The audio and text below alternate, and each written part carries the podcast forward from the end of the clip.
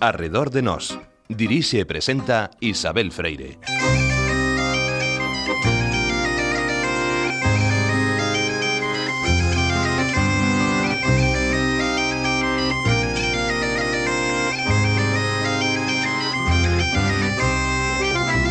Oxe, Rodolfo Ucha Piñeiro, o arquitecto que modernizou Ferrol. Su arquitectura, su personalidad, su obra fue una marca clave para la ciudad de Ferrol.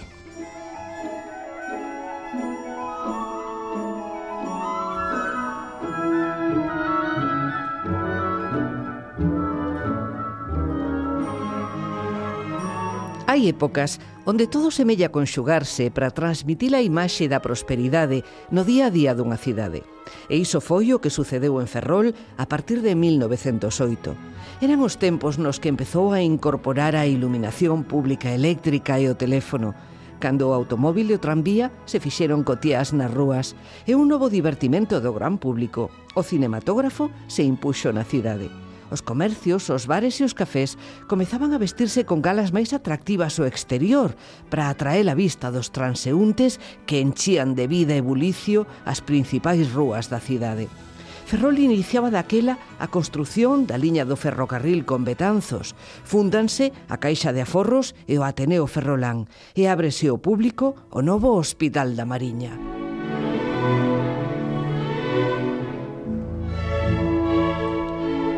En 1908 toma posesión como arquitecto municipal de Ferrol Rodolfo Ucha Piñeiro, o artífice da introdución na cidade das pautas estilísticas da modernidade. Os seus deseños preenreixados, os detalles das súas fachadas, os recoñecibles elementos interiores das súas casas fanse donos do espacio para romper con bellos canos da arquitectura decimonónica e regionalista. Un modernismo sensual e decorativo, un eclecticismo máis retórico e monumental, ou as formas elegantes e sofisticadas do Art Deco demostran a súa capacidade para comprender e interpretar as últimas tendencias artísticas en Europa. Como nos explica Mónica Maneiro, a comisaria da exposición sobre Ucha no Centro Torrente Ballester de Ferrol. Soubo readaptarse continuamente durante o longo da, da súa vida e traer as tendencias arquitectónicas que viñan de Europa, de Estados Unidos, de Madrid, cara á cidade de Ferrol, non? cara a Galicia. Esta é a súa historia.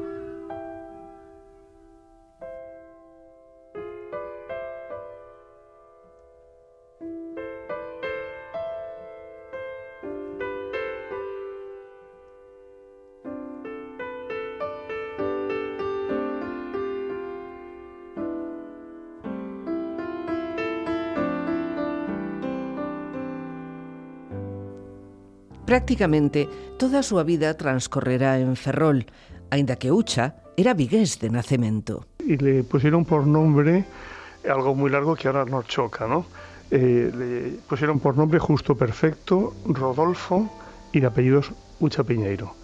Sí, nació en Vigo el día 27 de septiembre de 1882 y sus padres eh, fueron Benigno Ucha Tapia, que era natural de Puente Areas, eh, y que por entonces en, ostentaba el cargo de registrador de la propiedad en Vigo, y declara Piñeiro Latierro que era natural de Salamanca.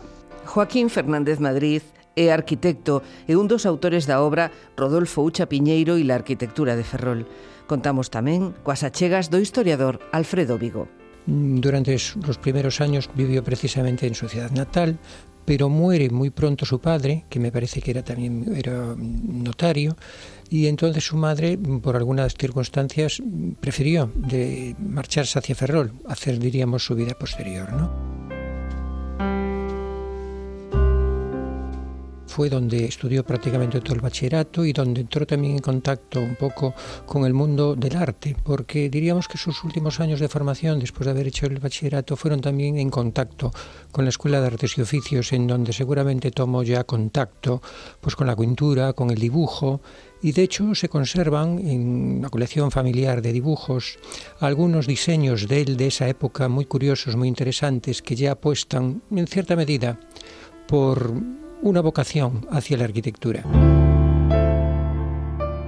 Cambiaron, por así decir, la, estrechez de las calles de Ferrol eh, por la la más amplia y acomodada ciudad de Madrid y eh, allí se eh, recibieron, su hogar en la madrileña calle del Divino Pastor, en el número 15. Rodolfo Ucha estudou na Escola de Arquitectura de Madrid entre 1897 e 1906, un período de tempo que coincide case con exactitude cos períodos formativos dos grandes mestres da arquitectura moderna, como Walter Gropius, Mies van der Rohe ou Le Corbusier.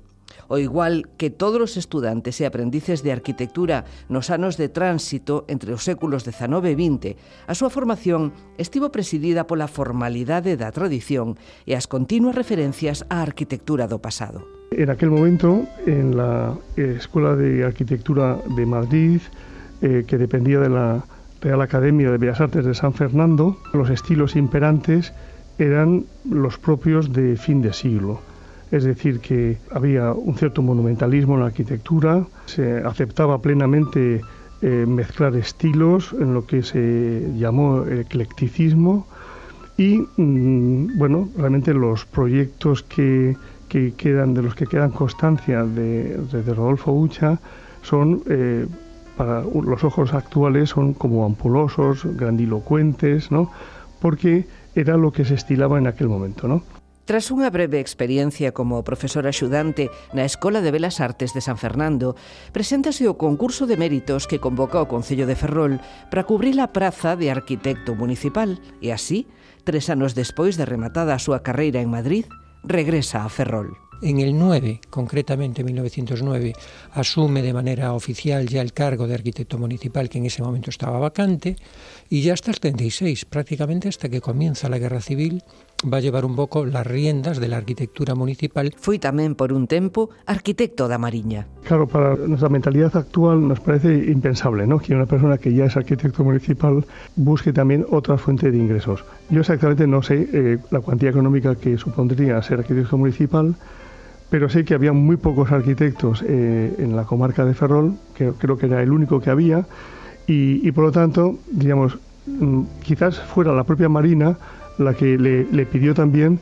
que ayudara, ¿no? porque realmente necesitaban un arquitecto para una serie de, obras, incluso a veces de percances, porque eh, hay constancia de que, de que tuvo eh, que informar del estado de, de, cómo había quedado el faro de Finisterre tras sufrir diversos daños por la caída de un rayo. ¿no? Allí tuvo que ir montado a caballo en medio de una tormenta para redactar el informe de los daños y, y valorar las reparaciones. ¿no? cesa neste cargo en 1915, cando pasan os enxeñeiros navais a ocuparse das obras civis dos arsenais das distintas comandancias de Mariña.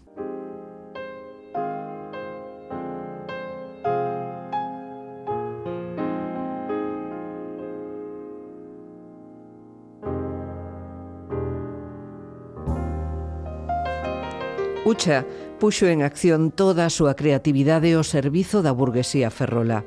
E o que querían era o que se levaba nas capitais europeas, o modernismo ou ar nubo. Fernando Agrasar, director da Escola de Arquitectura da Coruña. Tendemos a velo como un exceso ornamental ou en termos puramente formais e ornamentais, pero Art Nouveau foi unha resposta complexa e interesantísima das novas circunstancias sociais e culturais inducidas pola existencia da máquina.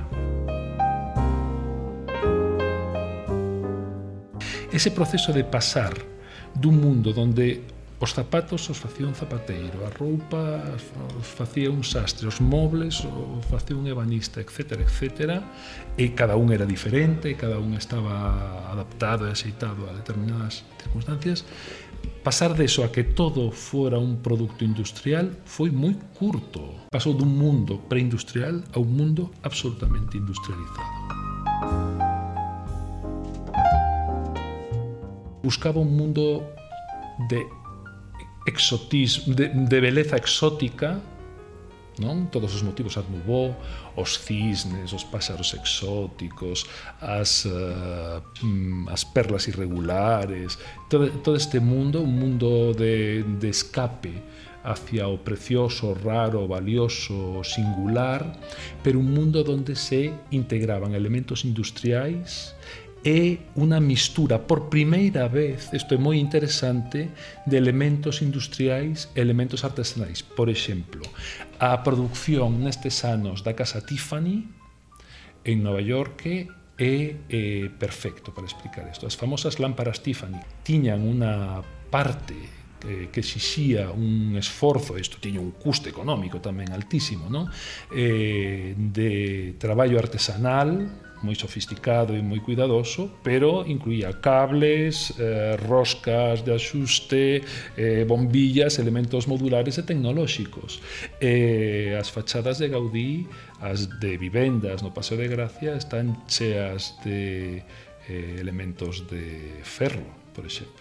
A lo largo de las primeras décadas de, del siglo XX hasta más o menos la crisis del 29, que en España se recibe un poquito más tarde, 30, 31, 32, la economía española va bastante bien, es una economía muy próspera, muy dinámica. Mm, hay que pensar que, por ejemplo, es el momento en que se abre la gran arteria madrileña, que es la Gran Vía, con unos edificios espectaculares que se realizan en la mayoría de los casos en el reinado de Alfonso XIII, y eso de alguna manera también contamina, diríamos, un poco la red económica de todo el país, que se beneficia en algunos casos, pues también a lo mejor de periodos bélicos como el de la Gran Guerra, la Primera Guerra Mundial, que España no estuvo vinculada y que lógicamente debió de ser para ello un aliciente de tipo económico. Hay que pensar que, que, que Galicia tiene dos potentes ciudades, el Vigo y La Coruña, donde se asentaba en aquellos momentos la mayor burguesía, la capacidad económica y por lo tanto también eh, podemos decir que la mejor arquitectura y los mejores arquitectos radicaban en ambas ciudades. Y de hecho, pues por así decir, las obras modernistas de, gran talla en Galicia se sitúan en estas dos ciudades. ¿no? Y, y, luego, eh, sorprendentemente, en la ciudad de Ferrol aparece un arquitecto con una obra arquitectónica modernista que destaca por su singularidad, por su belleza, por su capacidad y eh, ahí eso es, por así decir sería como la confluencia de dos ríos, por un lado su gran capacidad de, dibujo, de composición, de, querer estar al día y luego esto, realmente el tener la antena colocada eh, bien orientada para captar, digamos, que eh, qué estaba ocurriendo en el panorama europeo, eh, qué, qué, ocurría, cuáles eran las nuevas tendencias, y yo creo que él supo galvanizar y sintetizar, diríamos, ambas cosas. Ucha, xa nos seus primeiros proxectos, fai gala dunha gran modernidade e fantasía creativa, tal e como se ve na Fonda Suiza, na Casa Romero ou na Casa Munduate de 1909 e 1910, que impuxeron un novo rumbo na arquitectura ferrola. Se sabe que tamén en los primeras Eh, una vez que ya es arquitecto municipal, eh, hace algunos kioscos eh, para los parques de Ferrol, alguna plaza, y estos kioscos también los hace con el estilo modernista. ¿no? Desgraciadamente quedan algunos muy pocos dibujos de aquellos y como eran realmente material frágil como es la madera, pues no quedó ninguno en pie hasta nuestros días. ¿no? Pero digamos que ahí, por así decir, ya empezó a darle a la ciudad eh, un tono modernista, de manera que, que, ya cuando los, eh, le encargaban eh, proyectos de edificios, de viviendas, el modernismo no era algo ausente en la ciudad, ¿no? estaba presente en pequeños puntos, en lugares muy frecuentados por, por la ciudadanía y, y, por lo tanto mm, era más fácil que también luego ya le pidieran hacer edificios estilo modernista. Eu penso que el eh, a súa idea era facer un ferrol máis bonito, non? que xa non pensaba nas arquitecturas como obras individuais, senón que estaba plantexando eh, o que eran como as fachadas da cidade, non cara cara ao exterior, non? Eh, estaba interesado nun, nun diseño que falara ca cidade. Os expertos coinciden en sinalar tres etapas na traxectoria profesional de Ucha. A modernista, que desenvolveu aproximadamente ata o ano 1919, a denominada ecléctica nos anos 20 e a racionalista posterior. Quizáis a, a etapa modernista é a etapa máis máis coñecida, non, de de Rodolfo Ucha, non? É a etapa que na que podemos falar de edificios pois eh como as casas Pereira, ou, ou moitas das casas, Casa Munduate, máis que nada o que foi a parte de vivenda, non? Digamos, de construción. La Casa Romero es un edificio que todavía afortunadamente existe, simplemente se ha alterado un poquito que es lo que es la zona del ático, pero sigue siendo un edificio magnífico porque además trastocó de manera radical el planteamiento tipológico de las viviendas burguesas de Ferrol. En la mayoría de los casos, hasta ese momento, la arquitectura ferrolana de las viviendas burguesas eran casas de medianeras que o daban una calle o a otra, Mm, pero la Casa Romero es un edificio que, además de dar a dos calles y de disponerse en esquina, ofrece su frente a una calle traviesa, que eso era absolutamente inaudito en el barrio de la Magdalena, que es donde va a trabajar fundamentalmente Ucha. Era el barrio epicentral, el centro de Ferrol, el barrio histórico, el barrio de la burguesía, el barrio, diríamos, más representativo mm, del Ferrol también de principios del siglo, tenía un tejido urbano del siglo XVIII, tenía, diríamos, una apariencia arquitectónica de la segunda mitad del XIX, iba a ser Ucha el que le dé, diríamos, un gran cambio. Y precisamente la Casa Romero es una de ellas, porque es una casa con tres fachadas, con una volumetría muy poderosa y con unos rasgos estilísticos eclectomodernistas, ¿no? ya con una tendencia clarísima al modernismo, al Art que todavía se aprecia en el diseño de sus decoraciones exteriores y fundamentalmente de unas galerías rotondas en forma, de forma cilíndrica que tienen las esquinas que probablemente sean una de las joyas que en carpintería de madera a principios del siglo XX se van a realizar en Ferrol. Es interesante ir viendo cómo eh, poco a poco, eh, un ejemplo arquetípico son las tres Casas Pereira que proyecta eh, el propio Ucha Piñeiro en Ferrol en 1912, como en el primer caso, en la primera casa Pereira, eh, los, eh, los despieces de los bastidores acristalados de la galería del último piso ya los curva formando unos arcos que se van cruzando. Y luego ya inicia también en la casa Pereira 3 un despiece que ya no es de ventana a ventana regularmente repetido, sino que la curva abarca eh, varios pisos y forma una composición que empieza a ser lo que yo he denominado macrogalería. Eh, cada planta tiene un dibujo distinto eh, y viéndolo desde fuera ves que es un único dibujo curvo que abarca la totalidad de las galerías de ese edificio. ¿no? Pereira II es mm, quizás el edificio más sorprendente de todos los que hace Ucha Piñeiro, ¿no? Porque si las mm, lotes en, el barrio de la Madalena eran estrechos, el de Pereira II es quizás de los más estrechos, porque solo tiene 7 metros de anchura entre muros medianeros. Con lo cual, en lugar de caberle tres huecos, que es lo normal que caben en los 8 metros habituales de las parcelas de los lotes y solares que había en el Valle de Madalena, este que solo tiene 7, solo le caben mm, dos huecos en cada planta, con lo cual la composición es muy difícil y él lo resuelve magistralmente. Hai un elemento que Ucha cultiva e adapta perfectamente o momento e os novos materiais dos que dispón a galería. Es un elemento que el modernismo integra, mm, lo va a convertir en algo propio, pero las galerías tenían ya una larga vida anterior, desde la segunda mitad del siglo XIX, tanto en Coruña como en Ferrol habían tenido además un protagonismo muy importante, pero eran galerías como mucho más homogéneas, mucho más parecidas todas entre sí, eh, más monocordes en sus ritmos, Eh, es decir, un poco con el efecto que eh, en Coruña identificaríamos con el efecto general y muy uniforme de las galerías de la Marina o de muchas en Ferrol que se ven sobre todo en el barrio de la Madalena.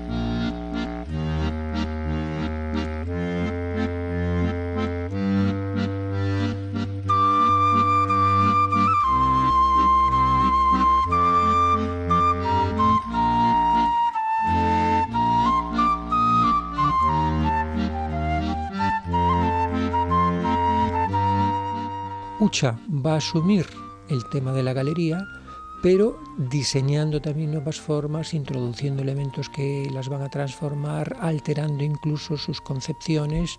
Prefiere muchas veces organizarlas con unos encadenamientos verticales frente a horizontales, es decir, que siempre los edificios de Ucha, aunque usen la, la galería, van casi siempre a romper y apostar por diferentes modelos, diferentes diseños, diferentes composiciones, otros ordenamientos, en definitiva, que lo va a convertir en un elemento vivo, ¿no? A galería foi o tema da tese de doutoramento de Joaquín Fernández, que publicou co título La galería en Galicia como elemento de la arquitectura del agua. Para él, resulta evidente a relación da galería coa arquitectura naval do século XVIII. Lo sorprendente es que mm, las popas de los navíos del siglo XVIII eh, españoles eh, tienen un cerramiento de madera y vidrio muy semejante al de las galerías. ¿no? En los ventanales de esas popas, las partes practicables eran deslizantes verticales, como ocurre en las galerías. Mm, bueno, aquel estudio me llevó a estudiar también los navíos ingleses, a estudiar las ventanas de guillotina que aparecían en los navíos y em, creo que, ciertamente la presencia de carpinteros ingleses en los astilleros ferrolanos, que hay constancia con nombres y apellidos de eh, al menos una veintena de ingenieros navales y de carpinteros navales ingleses que, trajeron lo que creo yo que ellos fueron los que trajeron las ventanas de guillotina compensadas eh, con poleas y contrapesos que son tan normales en Inglaterra desde el siglo XVI. ¿no? Eso mm, me da pie para decir que, es muy probable que, que Ferrol sea de las primeras poblaciones que dispuso de, galerías aquí instaladas eh, con ventanas compensadas en, Galicia. ¿no?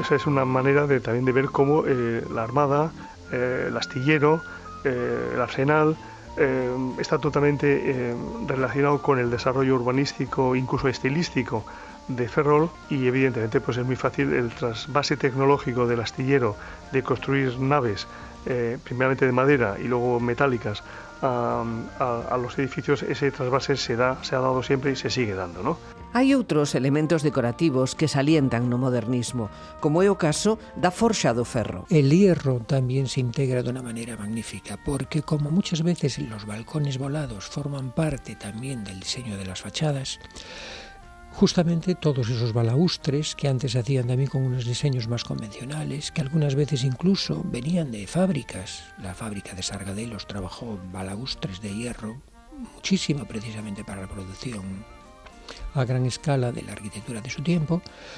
El, modernismo lo vuelve a utilizar, pero con diseños también muy innovadores, muy rompedores, que transforman todas las tradiciones. Y precisamente ahí la figura de Ucha va a resultar extraordinaria. Yo creo que pocos edificios de la arquitectura gallega tienen un diseño tan musical, tan rítmico, tan perfecto en el equilibrio de sus formas, casi parecen auténticas poesías férreas, ¿no? De, del diseño del hierro como los múltiples balcones que decoran la fachada del Hotel Suiza.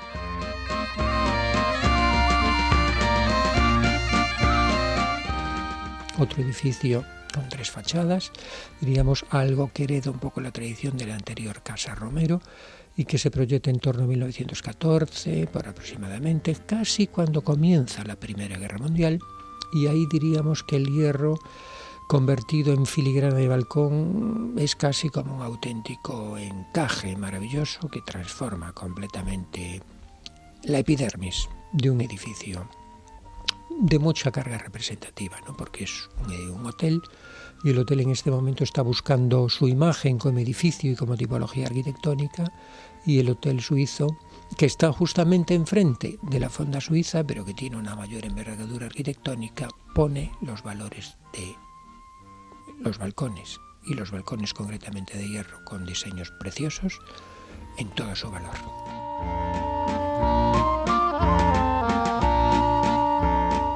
En una ciudad como era Ferrol, pero no sería la única, en donde la construcción naval en madera todavía era frecuente, ¿no? y donde la carpintería en el interior de los barcos evidentemente era muy importante, aunque los barcos ya se hicieron con otros materiales más modernos, pues favorecía evidentemente la existencia de un artesanado, un artesanado autóctono, un artesanado local que además estaba muy bien formado, en unos momentos además en donde las escuelas de artes y oficios se estaban también difundiendo y creando, diríamos, un campo de artesanos muy bien preparados y cualificados, hizo posible que toda esa eclosión evidentemente fuera, fuera realidad. Y el modernismo, diríamos, absorbió, diríamos, todo ese tejido de artesanos estupendos y eso es lo que hizo posible que muchos de los edificios pudieran manifestar, diríamos, toda esa riqueza en la decoración, porque vemos que introducen vidrieras, muchas veces introducen también azulejería y todo eso evidentemente enriquece la plástica, la visibilidad, la estética y la belleza y la complejidad, en definitiva ornamental, del edificio.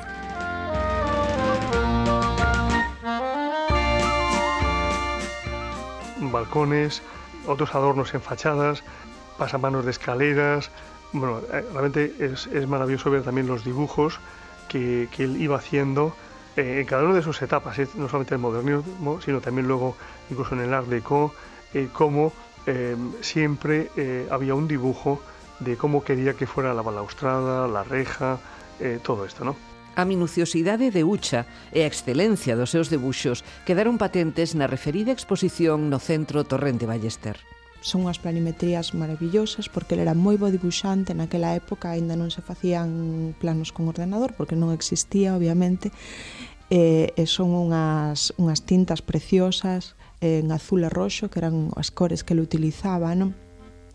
moitos planos as súas propias notas debuxos incluso da, da cando ele estaba na escola de arquitectura que nos permitían ver un pouco cales eran os seus primeiros ensaios non para xogar eh, os seus bocetos para realizar algún dos detalles dos edificios eh, incluso eh, parte eh, da documentación eh, escrita que había no arquivo de Ferrol porque el como arquitecto municipal o arquivo de Ferrol conservou eh, casi todos os, os expedientes non? dos edificios que el realizou para a cidade. Non? Entón aparecen datos moi interesantes sobre eh, os anos nos que se realizaron os inmuebles, canto custaba facer, por exemplo, as, os peches exteriores dos que, que eran moi habituais na súa obra, non os enreixados, e, e, e como se estructuraba un pouco ese traballo. Non? E, e, e se pode ler tamén moi ben aí eh, cal era o seu grau de mm, de control sobre a obra, non? El era un arquitecto perfeccionista que miraba ata a última pedra, non? E que cando lle pedía ao canteiro que eran as pedras deste calibre para colocar neste espazo, quería que fosen as pedras perfectas que ele estaba pensando, non? E senón non lle valía e voltaba para atrás e pedía facelas de volta. Son diseños que de por sí diríamos que son auténticas obras de arte, muchas veces acuarelados, con color, no solo monto con tintas y con dibujo, y ahí vamos viendo también el proceso creativo de la obra, cómo va mutando, cómo va cambiando, como algunas veces he obligado también a cambiar drásticamente el proyecto por circunstancias presupuestarias, por circunstancias reglamentarias, porque muchas veces, lógicamente, las leyes de ordenanza de policía municipal obligan algunas cosas, no se pueden hacer y otras sí. Y digamos que todo ese proceso creativo lo vamos viendo en sus dibujos de una manera clara, fiel, y evidentemente nos aporta también luz para ver cómo fue concibiendo y diseñando todos sus proyectos arquitectónicos. Hay algunos que realizó y que no fueron ejecutados en la realidad, ¿no? Con lo cual diríamos que en ese sentido su colección de dibujos pues es un poco la historia de su vida como arquitecto, ¿no?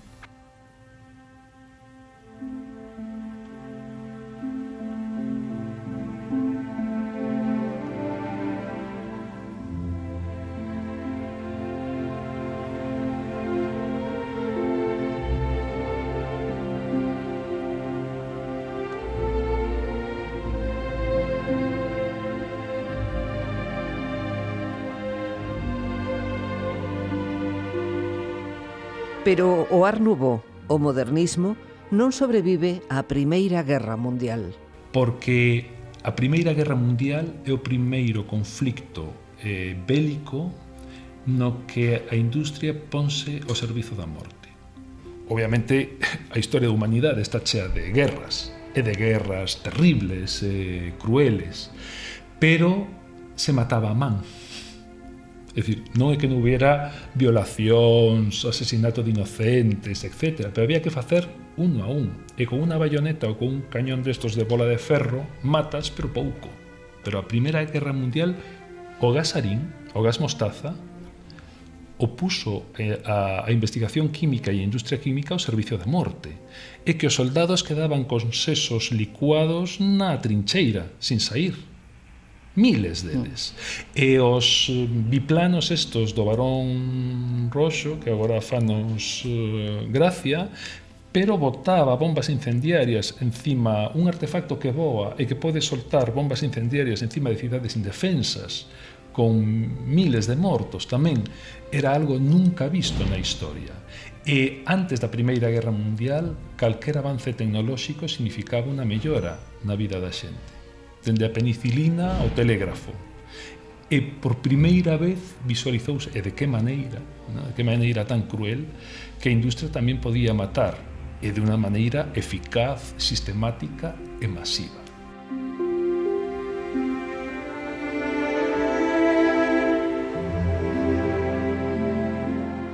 Pero hai dous momentos tremendamente revolucionarios e que eh, constitúen un antes e un despois, en que as cousas xa non poden voltar atrás. Un é eh, o mundo do, do primeiro renacemento, eh, na que toda a arte que hasta ese momento, pero cando digo toda a arte digo dende o mundo egipcio a, a iconografía a, a pintura eh, medieval, né? todo eso, eh, séculos e séculos e séculos, tiñan un carácter fundamentalmente simbólico a perspectiva e, a, e o humanismo do primeiro renacemento fixeron que a arte imitase a natureza. E despois de 500 anos, bueno, de 400 anos de evolución, hai outro gran momento de ruptura que son as vanguardas de principios do século XX, na que a arte xa non eh, ten como obxectivo fundamental a imitación da natureza, senón que a arte se intelectualiza y por lo tanto arte eh, evoca no espectador eh, o propón ao espectador unha imaxe mental unha imaxe, unha idea e eh, o receptor ten que ter unha formación intelectual suficiente para poder comprender uh, os mecanismos de, da vanguarda. É o que hai, hai un texto de Ortega y Gasset eh, iluminador sobre isto que se chama deshumanización da arte.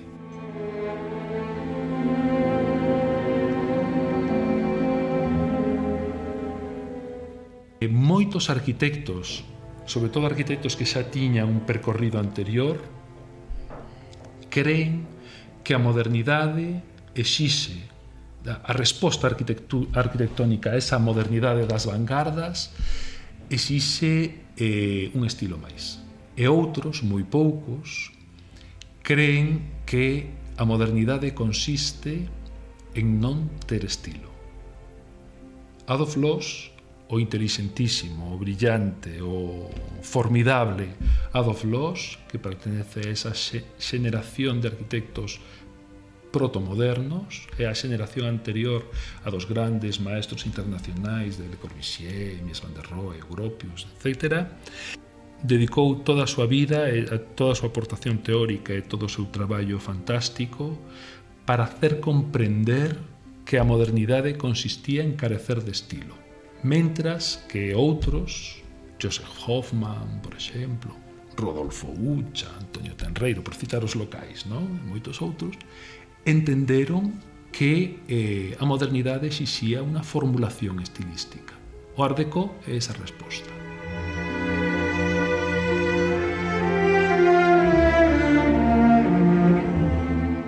O mundo sae do caos da Gran Guerra e nos albores dos anos 20 o Art Deco é unha resposta. En Ferrol, Ucha afronta a obra da fachada do Teatro Jofre.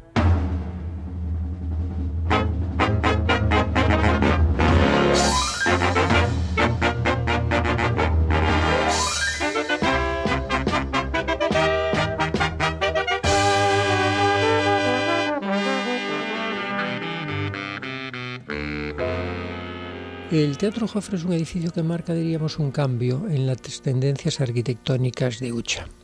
Diríamos que es el cambio mm, en donde él pasa, diríamos, su tradicional modernismo a otro movimiento que muchas veces los historiadores de la arquitectura y del arte denominamos el eclecticismo monumental y que mm, diríamos tiene ese momento de cambio en torno a 1918, 19 y 20. Es decir, cuando ya ha acabado más o menos la Primera Guerra Mundial y nos estamos metiendo en, los llamados locos años 20, ¿no? esos momentos de alegría posterior a la guerra y todavía no ha llegado el nuevo caos que supondrá la Revolución del 29.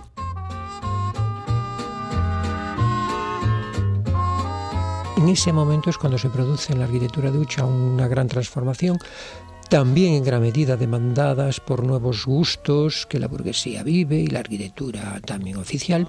Y en ese momento diríamos que es cuando mm, el empresario Isaac Fraga le encarga a Ucha que remodele por completo la fachada del Teatro Jofre, que en ese momento era un edificio por dentro muy interesante, por dentro muy atractivo, por dentro un sin duda uno de los mejores teatros gallegos del momento por su diseño y decoración, pero que la fachada no tenía relieve ninguno, no tenía ninguna notoriedad.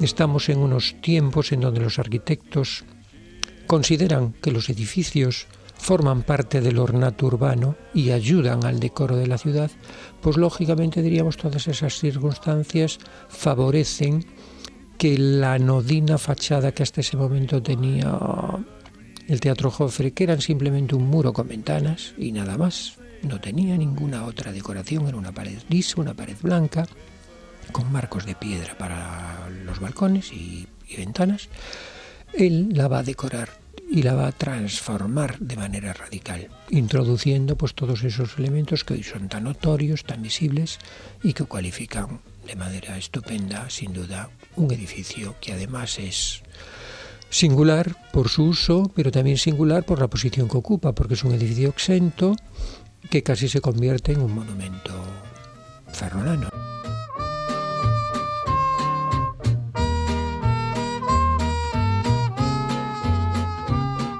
Na vida de Rodolfo Ucha prodúcese outra novidade importante, máis íntima e persoal. El año 1920 eh, Rodolfo Ucha eh, corteja a la que luego será su mujer, doña María de los Ángeles Donate Hernández Ardieta, que era natural de Madrid y que residía por entonces en La Felguera, en Asturias, donde, donde se había trasladado desde la edad de cuatro o cinco años con toda la familia al nombrar a su padre administrador de la empresa Duro Felguera. Probablemente dado que el padre era militar y que tenía un hijo que estudiaba eh, o se preparaba para ingresar en la Marina, eh, le dio llevar también a hacer viajes a Ferrol y allí fue donde se conocieron Rodolfo y María de los Ángeles.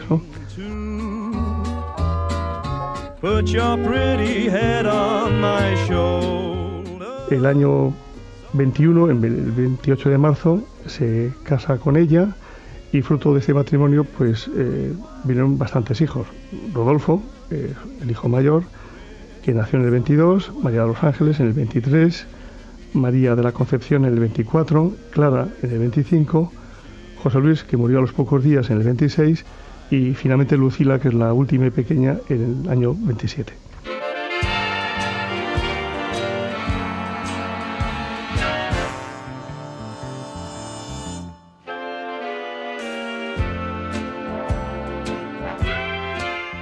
edificio clave nesta evolución de Ucha cara ao Art Deco, o ecleticismo monumental, é o Casino Ferrolán.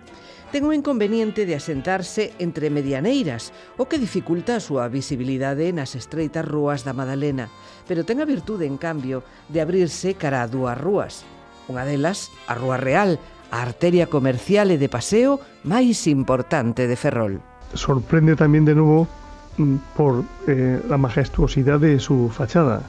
Y luego la, riqueza espacial de las secciones. Evidentemente eh, era imperioso que eh, el, Gran Casino de Ferrol tuviera una sala de, bailes, de fiestas, eh, bueno, y por tanto habría que encajarla con precisión y, luego también, como es normal en, Ferrol, las calles los solares que son transversales tienen una cota en la calle alta y una cota diferente en la calle más baja y también ese desnivel eh, Ucha lo resuelve magistralmente. ¿no? Bueno, evidentemente es un, es un edificio eh, grandilocuente como, como es propio para, para estos menesteres. ¿no? O sea, realmente hay que decir que, que, Ucha sabe eh, en cada caso qué es lo que le están demandando y, lógicamente produce un, un edificio magnífico que podía haber estado perfectamente en cualquier capital de provincia o en Madrid o en Barcelona, ¿no? O último gran momento do noso arquitecto foi o período racionalista, do que os expertos alientan o desaparecido cine callao. Na parte do racionalismo, que é a máis actual, que a mí me interesa moito porque el porque mostra moi ben esa fan que el tiña por seguir eh, estudando, por seguir avanzando na arquitectura. Non? Podía ben haber quedado nese tipo de edificacións que ademais eran moi ben aceptadas polo goberno, pola burguesía da cidade naquel tempo, pero el quere adaptarse, non? Entón el fai unha serie de propostas racionalistas moi interesantes, das cales quedan moi poucos edificios porque bueno, moitos desapareceron, desgraciadamente fai poucas décadas. E un deses edificios que desapareceu era o Cine Callao. O Cine Callao era un edificio maravilloso eh, no que había eh, moitos plantexamentos moi innovadores para a época mm, sen lugar a dúbidas era un dos edificios máis bonitos da cidade e o cine máis máis bonito da cidade de Ferrol, no? que por desgracia se perdeu. En ese momento, en los años 30, diseñó un edificio muy importante, de los mejores, sin duda alguna, del Art Deco gallegos, edificio que yo todavía tuve la suerte de poder ver, de poder vivir, de, poder disfrutar en cierta medida, aunque de aquella no era muy consciente de estas cosas, porque era un cine, y me estoy refiriendo al cine Callao, que ocupaba la Plaza del Callao, era un edificio de esquina, y también se convirtió a su manera, precisamente por ser cine y de ser un cine muy moderno cuando se construyó y cuando se inaugura en torno al año 31 y 32, pues también una imagen visual importantísima y el cine Callao, que desapareció a principios de los 80, también está entre sus hitos arquitectónicos más brillantes, sin duda alguna.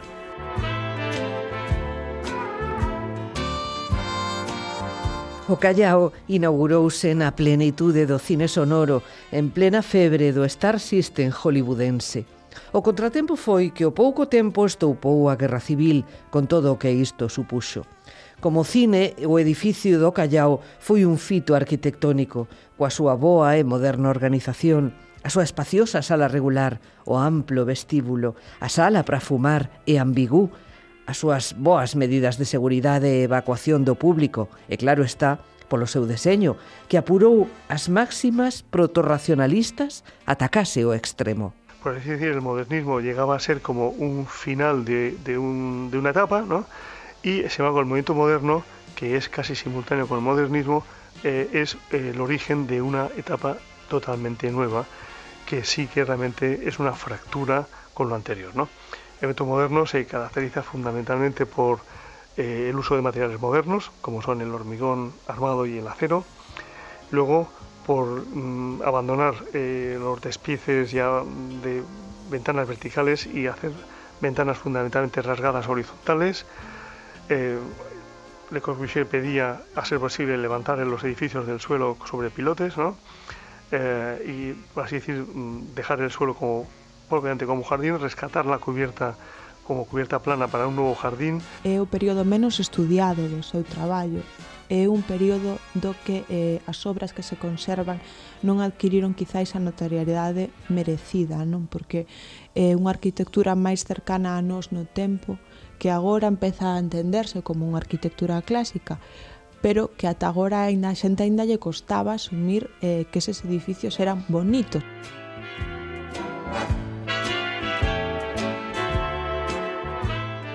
A Casa Luaces, que unha casa do 33, ou o edificio Calvo Formoso do 1939, ou a Casa Pita Saavedra, a Casa Mejuto, os almacéns Mejuto. En Ferrol va a ser imposible eh, hacer una arquitectura plenamente movimiento moderno. y hace eh, edificios racionalistas que tienen, por así decir, el lenguaje mm, racional, es decir, ya no hay ornamento, la belleza va a provenir de simplemente de la funcionalidad, si funciona bien es bello. Y, además como él estaba preparado, perfectamente preparado para hacer composiciones em, clásicas, pues él hace, por así decir, un racionalismo clásico, ¿no?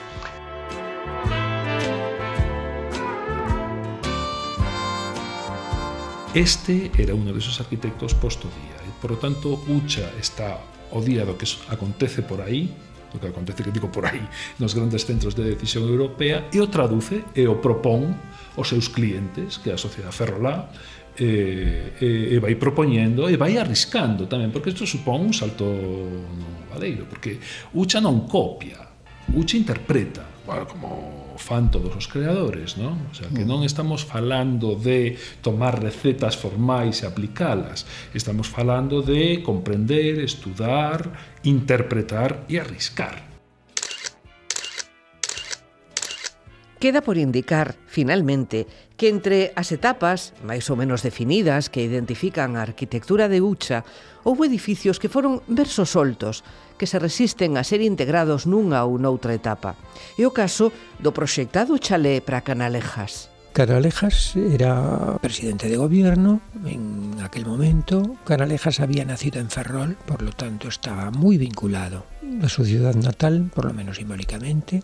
Hay un momento en que precisamente para congraciarse y atraerte un poco la atención de Canalejas, que lógicamente en aquel momento está en Madrid, la ciudad de Ferrol, debió de pensarse que sería idóneo, sin duda alguna, en aquel momento, eh, construir en, un lugar, diríamos, de la periferia urbana, próxima a la ría, al interior de la ría de Ferrol, construirle, diríamos, una especie de, de villa chalet para que lógicamente allí pasara los veranos, ¿no? Y aunque eso nunca se llegó a realizar, porque nunca se llegó a construir, nos quedan precisamente los diseños de Ucha, que ponen de manifiesto también los estilos que en aquel momento se llevaban esa arquitectura residencial 1910, 1911 aproximadamente, y que viene a ser un poco muy coincidente con eso que habitualmente consideramos viviendas de indianos, ¿no?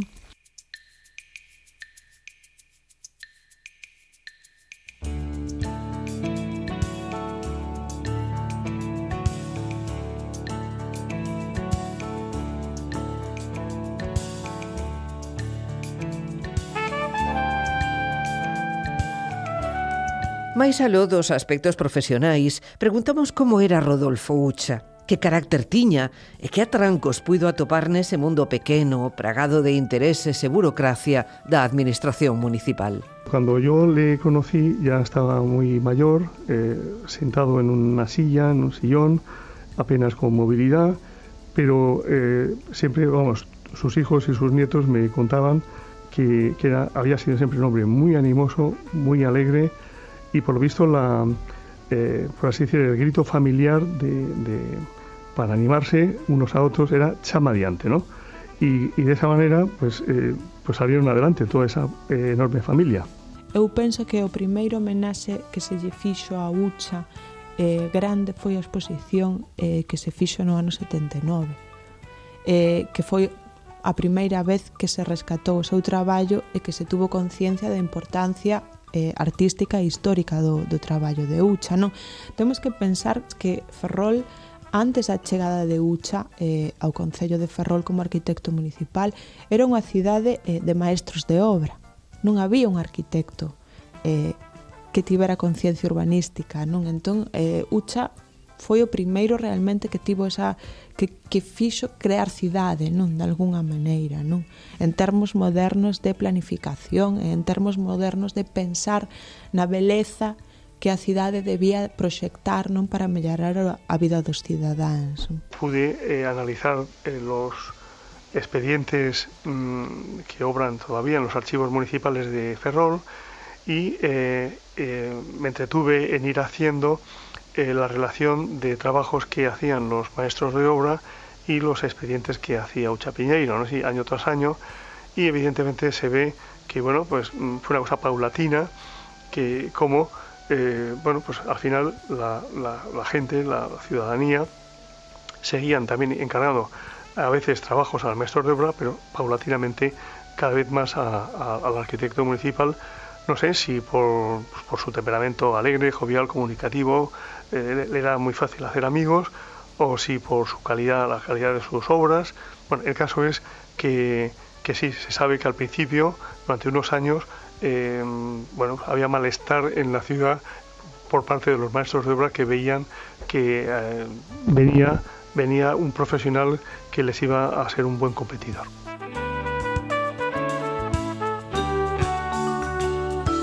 El soubo, como poucos, controlar no proxecto o deseño xeral e os pequenos detalles e acabados que demostran o valor que o arquitecto daba ao edificio como conxunto, como unha especie de obra de arte total, onde o deseño, formas, materiais, texturas, colores, acabados técnicos e demais detalles ornamentais eran resultado da colaboración de todas as artes e oficios artísticos. Ucha ten que traballar con unha tradición artesanal de carpinteiros, de canteiros, de ferreiros, que son os que son, os que ten ali. Eh, que o que mellor fai esa xente, o que fixo, o que fixo toda a vida. Eso non quere decir o arquitecto que fai é deseñar, isto na obra de Ucha é moi evidente, iso fan os vos arquitectos, deseñar pensando en como materializar o resultado final do proceso, non? que un proceso eh, complexo. Quiero decir que al haber vivido tanto tiempo le permitió ver también su resurrección creativa, ¿no? Y de hecho, a partir del año 77 y 79, tienen dos, en Ferrol tienen lugar dos acontecimientos muy importantes para recuperar su figura. En el 77, cuando el Colegio de Arquitectos, recién formado, le rinde homenaje y le entrega una placa en reconocimiento, no solamente a que era el decano de arquitectos de Galicia en aquel momento, sino a que su obra empezaba a ser reconocida de manera oficial dentro de la historia de la arquitectura gallega, y en el año 79 porque se le hace una exposición dedicada al modernismo ferrolano en donde su arquitectura lógicamente va a tener un protagonismo extraordinario. Rodolfo Ucha gozou dunha longa vida. Morreu en Ferrol en 1981, os 98 anos de idade. Eu penso que Rodolfo Ucha é unha figura eh, moi querida na cidade. Eles son moi conscientes do que teñen ali eh, e de que teñen que reivindicalo de algunha maneira, non? Música